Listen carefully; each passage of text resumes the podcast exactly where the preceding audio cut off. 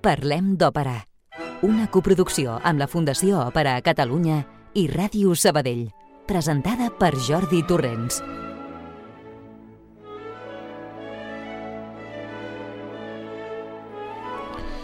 Benvolguts i benvolgudes, com esteu? Nosaltres ja tornem a ser aquí un dijous més per fer-vos una estona de companyia, companyia musical, amb moltes ganes, com sempre, d'explicar-vos coses. Avui ja és el primer programa del mes de desembre, a punt a punt d'acabar l'any.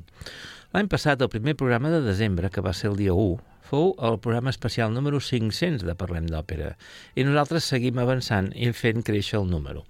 Avui, programa número 544, 7 de desembre, dia de Sant Ambrosi de Milà, doctor de l'Església.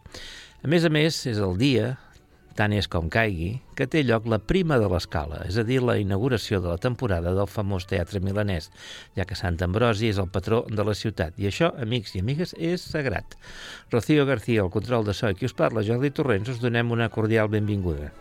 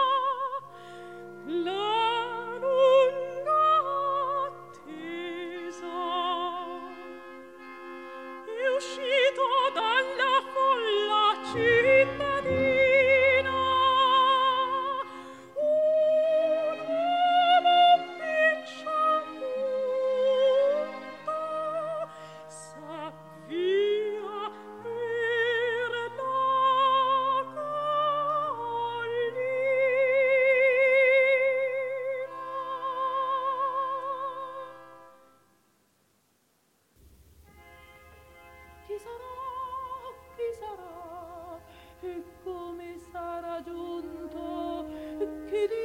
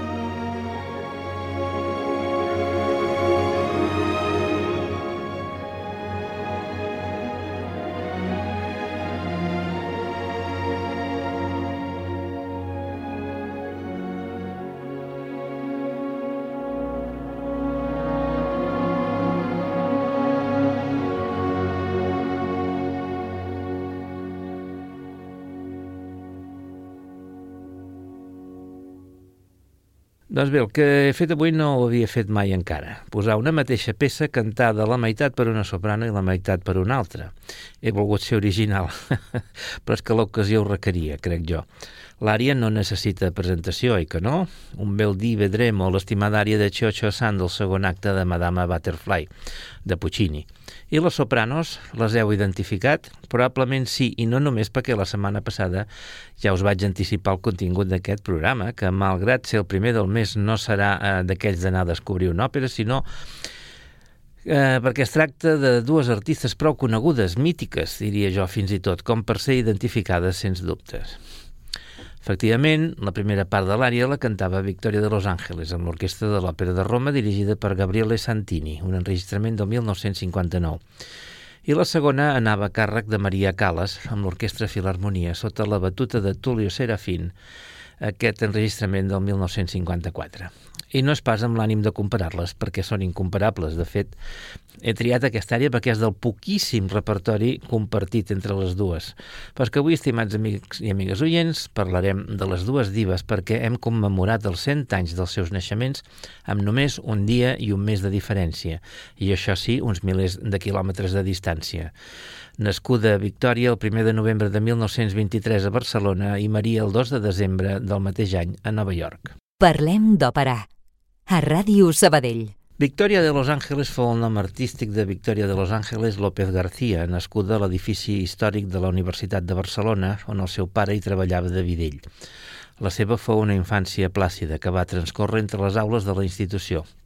De nena i adolescent va anar desenvolupant la seva vocació artística i just després de la Guerra Civil va ingressar en el Conservatori del Liceu, on en només 3 anys es va graduar, 1941. Cal tenir en compte que la carrera de cant comprenia 6 anys d'estudis i que Victòria en tenia 18. Abans de la seva graduació, el desembre de 1940, va participar en un concurs de Ràdio Barcelona que va guanyar, sent el premi ni més ni menys que interpretar la Bohem en el Teatre Victòria. El seu salt al Liceu es va produir el 13 de gener de 1945, quan hi debuta amb l'Enotze di Figaro. D'aquí a consagrar-se internacionalment hi havia només un petit pas que va donar el 1947 en guanyar el concurs de Ginebra. El 1949 fou un any de debuts importants presentant-se a l'escala amb un recital, i no cantaria òpera fins l'any següent amb Mariat Neonaxos, i a l'òpera de París en Faust, de Gounod, causant un gran impacte.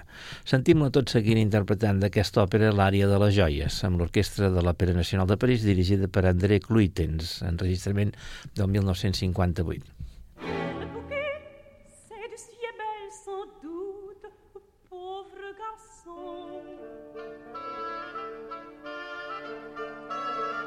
Du war schon da, und du sorriches qu'au frais peut-il venir Je n'ose y toucher, et pourtant, voici la clé, je crois.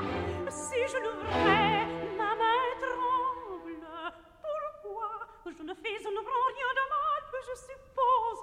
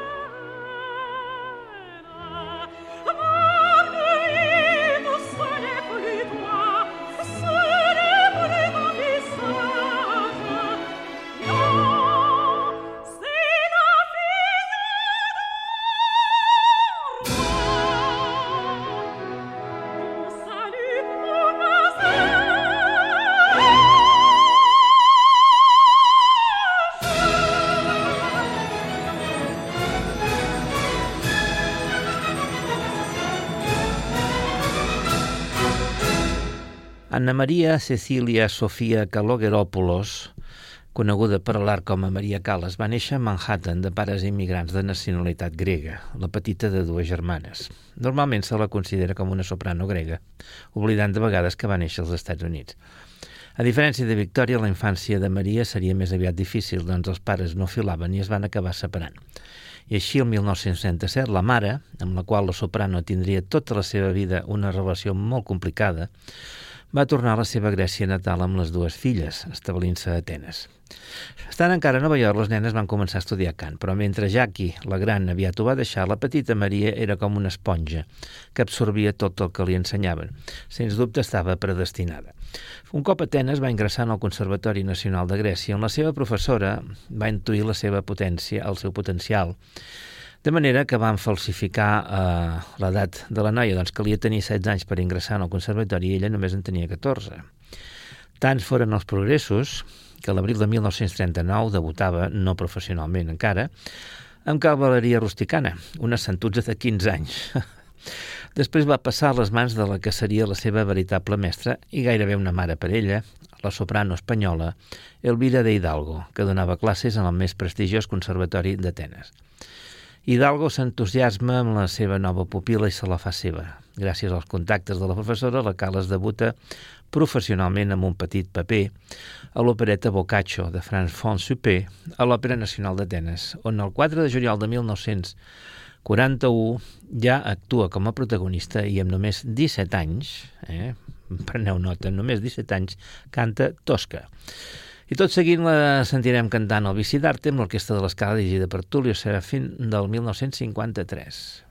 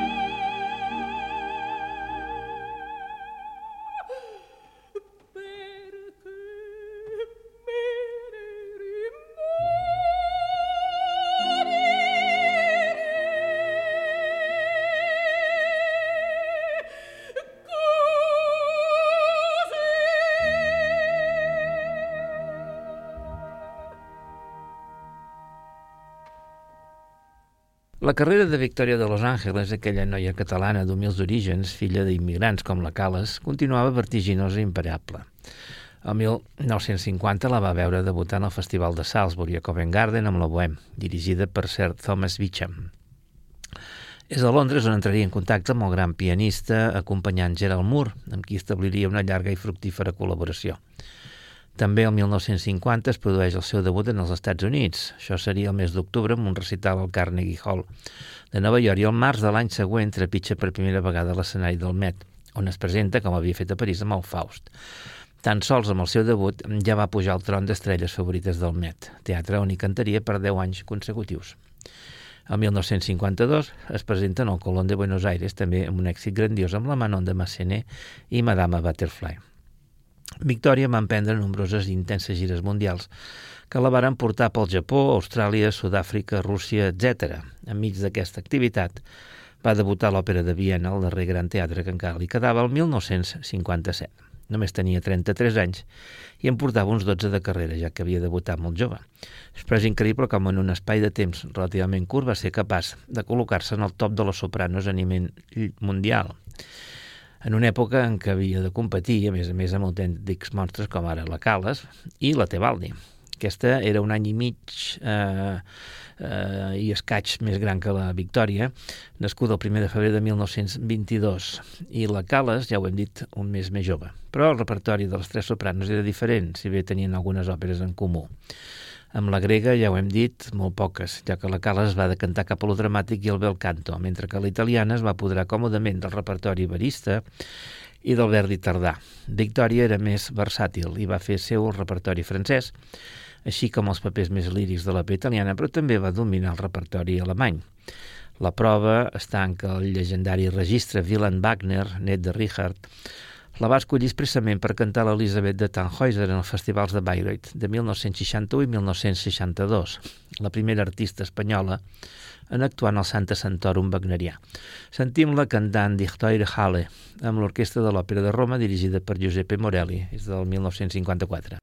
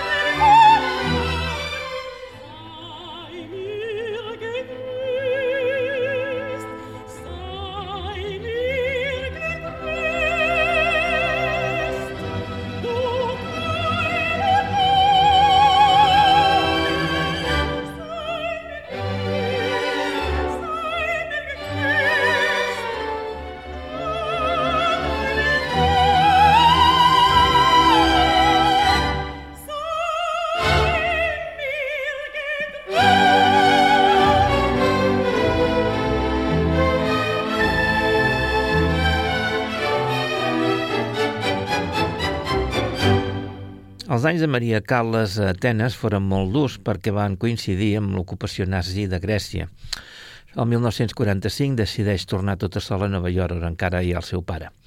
Tímida i insegura, en part degut al seu físic obès. De l'única cosa que està segura és de la seva passió pel cant. Ella ha nascut per cantar. Amèrica faria moltes audicions, rebutjant fins i tot unes ofertes del Met que ella considerava equivocades, i es deixa entabanar per un subjecte de poc fiar, de nom Eddie Bagarosi, que munta una companyia per fer la Turandot a Chicago, producció que no s'acaba fent.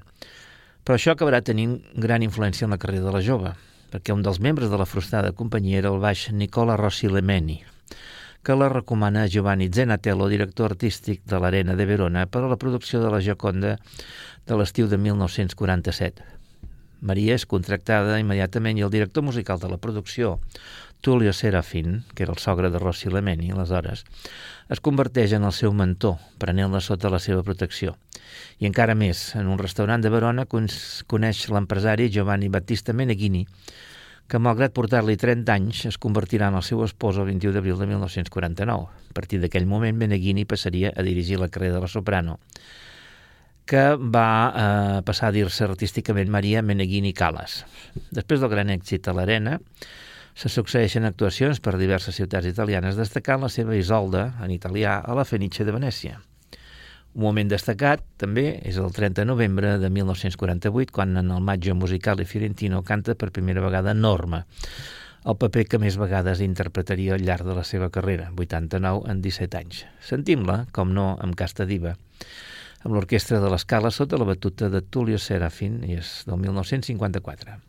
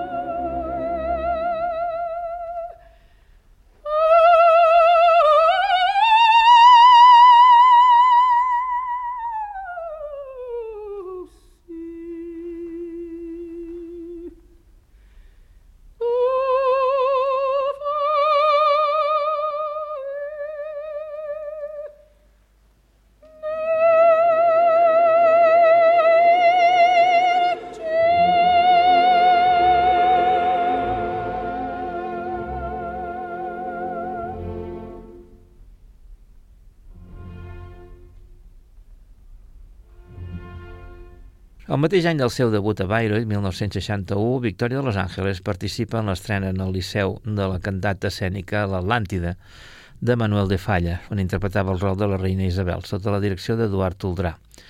Aquesta estrena fou en versió concert, ja que l'escenificada tindria lloc mesos més tard a l'escala. La seva activitat fins aleshores havia estat molt intensa, més que intensa fins i tot, havent interpretat el, el paper protagonista en 35 òperes. Tota una demostració de versatilitat la gran varietat d'aquest repertori, que va des de l'òpera antiga, com l'Orfeo de Monteverdi, fins a la quasi contemporaneïtat del Pelés i Melisande de Debussy. Per cert, l'òpera amb la qual es retiraria dels escenaris l'any 1980 en el madrileny Teatre de la Zarzuela. Aquesta versatilitat, ajudada pel seu domini dels idiomes i la perfecta dicció que oferien tots ells, es demostra encara més quan es veu com va ser una gran intèrpret de papers creats originalment per a mezzo-soprano, com ara Carmen o la Rosina del Barber de Sevilla. Rol que, per cert, durant molts i molts anys va ser simplement destrossat per sopranos lleugeres amb veu d'ocellet. I és que la soprano catalana estava magnífica cantés el que cantés.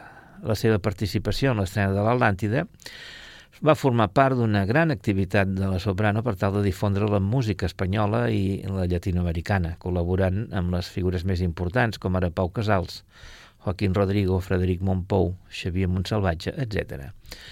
Com a capdavantera de la música espanyola va ser una gran intèrpret de sarsuela que sempre solia incloure en els seus concerts i recitals. Sentim-la un exemple tot seguit, el famós Zapateado de la Tempranica de Jerónimo Jiménez, la taràntula un bicho muy malo amb l'Orquestra Nacional d'Espanya dirigida per Rafael Fribeck de Burgos, enregistrament del 1967.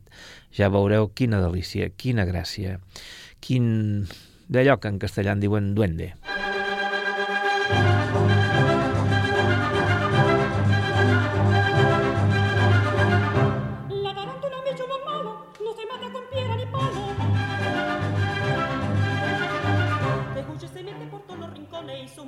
su picazón. Ay, madre, no sé qué tengo, que hoy pasé por la era y al principio ahí tentarme, herma de la tembladera. Pero que a mí me ha picado la tarántula dañina y estoy todo enfermado por pues su sangre tan en No sé cómo el nombre de Martita la araña que tiene en la barriga pinta una guitarra bailando se cura tan Ay, malaya la araña que a mí me picó.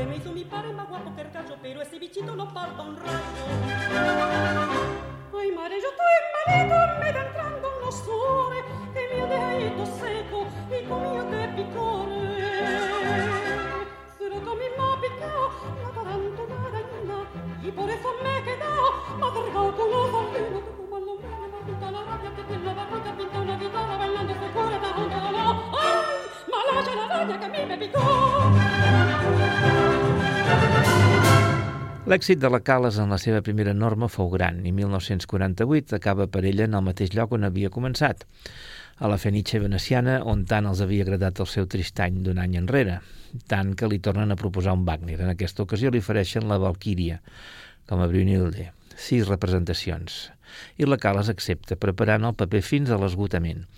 Paper, per cert, que no tornaria a cantar mai més.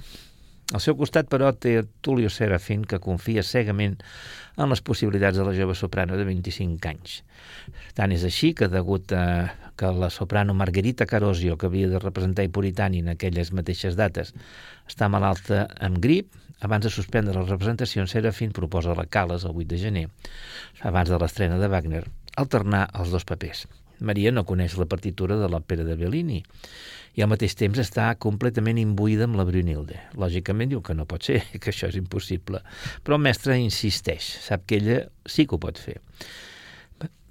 Maria es deixa convèncer i accepta, de manera que el vespre representa Wagner i la resta del dia estudia Bellini. I el mateix dia de la darrera Valquíria, al matí hi ha hagut l'assaig general de Puritani. El 19 de gener de 1949, Maria surt de l'escenari de la Fenice en la pell d'Elvira, la jove puritana anglesa. Serafim pensa que les possibilitats de la cala són infinites i el públic gaudeix. Comença a néixer la llegenda d'aquesta gran soprano, que no cantarà més Wagner, però que s'associarà amb cos i ànima al bel canto.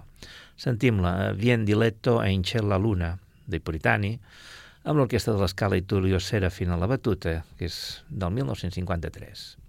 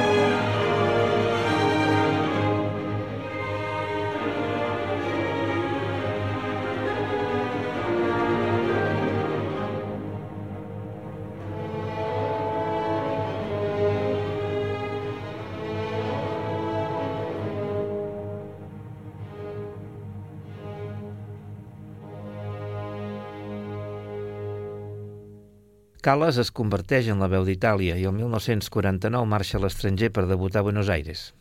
Acaba l'any en el San Carlo de Nàpols, però li falta encara el teatre més important d'Itàlia, l'Escala. I debuta finalment el 12 d'abril de 1950 amb Aida, però substituint la Tabaldi, ídol del teatre. La reacció del públic és freda. Maria no s'immuta perquè sap que acabarà triomfant. El mateix any coneix Luchino Visconti. Aquest tàndem donarà molt a parlar els anys a venir, sobretot a l'escala comença la famosa rivalitat amb Renata Tebaldi, rivalitat que surt de Milà i arriba al Brasil, on totes dues alternen la Traviata, obtenint més èxit la italiana, cosa que fa que la grega s'enreviï. La venjança arriba ben aviat. El 7 de desembre de 1951, Sant Ambrosi inaugura la temporada escalígera amb I Vespri Siciliani, amb el públic que hi han rendit els seus peus.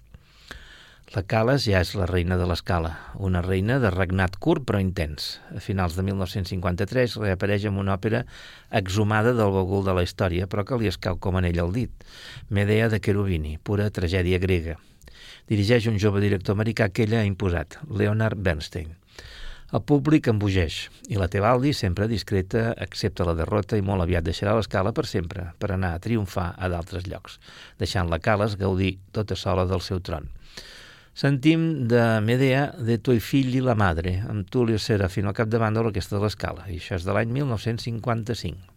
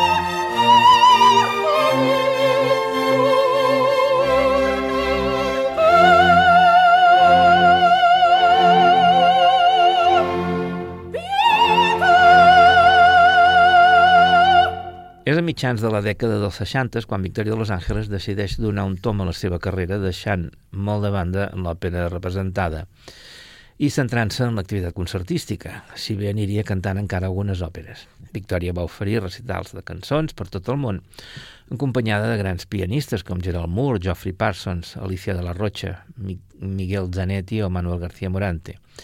Com hem dit, Victòria de Los Angeles conreava diversos tipus de cançons i aconseguí brillar en totes elles. El soprano va destacar també en el difícil repertori del lit, o sigui, la cançó alemanya, tant que va deixar bocabadats els propis alemanys, tan gelosos sempre de les seves coses, sobretot en aquest aspecte. Sentim la cantant ara cançó francesa amb una dicció esplèndida. Serà amb Les Filles de Cadix, les noies de Cádiz, de Leo Delibes, acompanyada per l'orquestra eh, Sinfonia of London, dirigida mm, per Rafael Frivic de Burgos, i aquest enregistrament és de l'any 1964.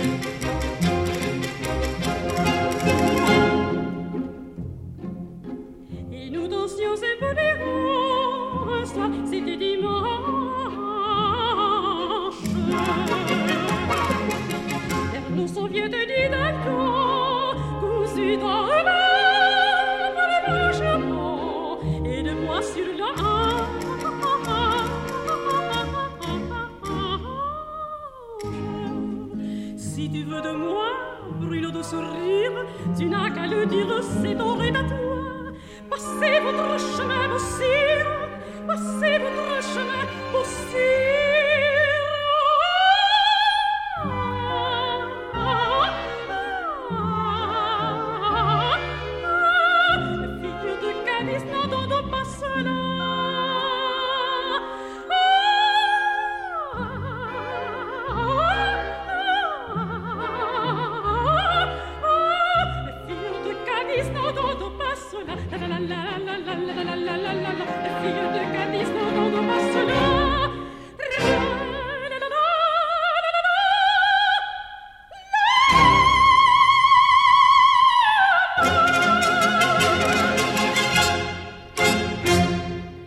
Cala seguirà embruixant el públic de l'Escala en les seves inauguracions de temporada de la dècada dels 50 i més i cantarà 166 funcions de 26 òperes diferents.